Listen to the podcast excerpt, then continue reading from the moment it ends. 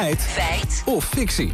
De maïsteelt in Nederland zou slecht zijn voor het milieu. Ja, dat staat in een artikel in de Volkskrant althans. Het kabinet wil dat veehouders hun grasland in stand houden... terwijl het financieel aantrekkelijk zou zijn... om weiland in maïsakkers om te zetten... en zo te besparen op veevoer. Het kabinet wil dat voorkomen omdat maïsteelt slecht is voor het milieu. Is mais dan echt zo'n slecht gewas? Nou, we voegen dat aan Koos Verloop, landbouwkundig onderzoeker van de Universiteit Wageningen, of mais nou inderdaad zo'n slecht gewas was om te verbouwen. Het is eigenlijk een tropisch gewas, hè?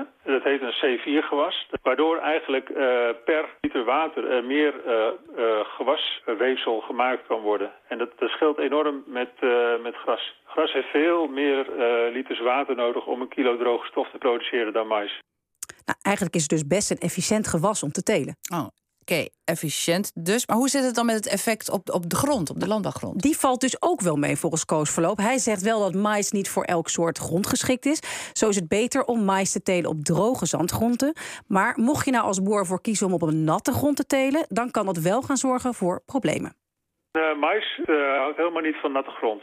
als, uh, als het te nat is, dan, dan kan de ontkieming kan moeilijk gaan. Nou, die, die grond is dan vaak op het moment dat die geoost wordt... is die vaak dan nog nat. Dan moet die mais toch geoost worden. En die oostmachines die zijn gewoon zwaar.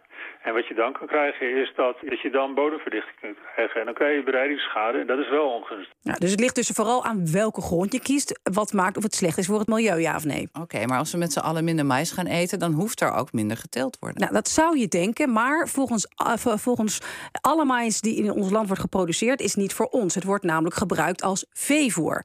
En dat zogenaamde snijmais is volgens Jan Dijkstra... veevoer-expert bij Wageningen Universiteit... een goed voedingsmiddel voor melkkoeien omdat uh, in uh, Nederland snijmais heel goed groeit, uh, hoge opbrengst heeft. Dus dat is voor de boer natuurlijk belangrijk dat je veel voer hebt per hectare grond. En omdat snijmais heel goed past in het rantsoen voor een koe samen met gras of het geconserveerde gras. Het past dus goed in het dieet. En doet het ook wat met de uitstoot van koeien? Zeker. In snijmais zit glucose, wat zorgt dat de koe energie krijgt. En het bevordert de productie van melksuiker, ook wel het bekende lactose genoemd. En daarnaast helpt het ook met de uitstof van stikstof door de koe. Gras vrij rijk is een eiwit. En in eiwit zit ook stikstof. En snijmais is juist wat laag in eiwit. En die twee samen zorgen dan voor een hele goede hoeveelheid eiwit in het voer. Voor de stikstofuitstoot van het dier is het goed om snijmais te gebruiken. Dat zie je ook aan de uh, gemiddelde cijfers in Nederland. Als je gemiddelde koe hebt in het noordwesten waar ze weinig snijmais gebruiken... Daar is de stikstofexcretie hoger dan in het zuidoosten... waar meer snijmais wordt gebruikt. Het is dus voor de koeien in ieder geval betere voor dan enkel en alleen gras. Oké, okay, mais zelf is dus helemaal niet zo slecht voor de bodem... en de koeien zijn er blij mee.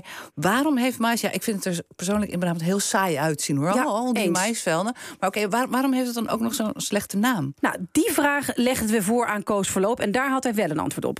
Nou, dat is al heel lang, is dat al gaande. En uh, het, het, is ook een beetje geboren in, uh, in, in, het verre verleden... waarin gewoon soms uh, erg waarin het slecht met mais omgegaan werd. Ja, dan krijg je vanzelf dat het, gewoon dat stempeltje op het gewas komt te liggen... terwijl je het echt wel goed kan doen met het gewas. Nou, je kan het dus best wel goed doen met het gewas. Oké, okay, het lijkt er dus op dat mais niet zo'n slecht gewas is. Klopt inderdaad. Het is een efficiënt gewas, omdat het weinig water nodig heeft. En ook voor koeien niet onbelangrijk is het beter om mais te uh, eten dan gras.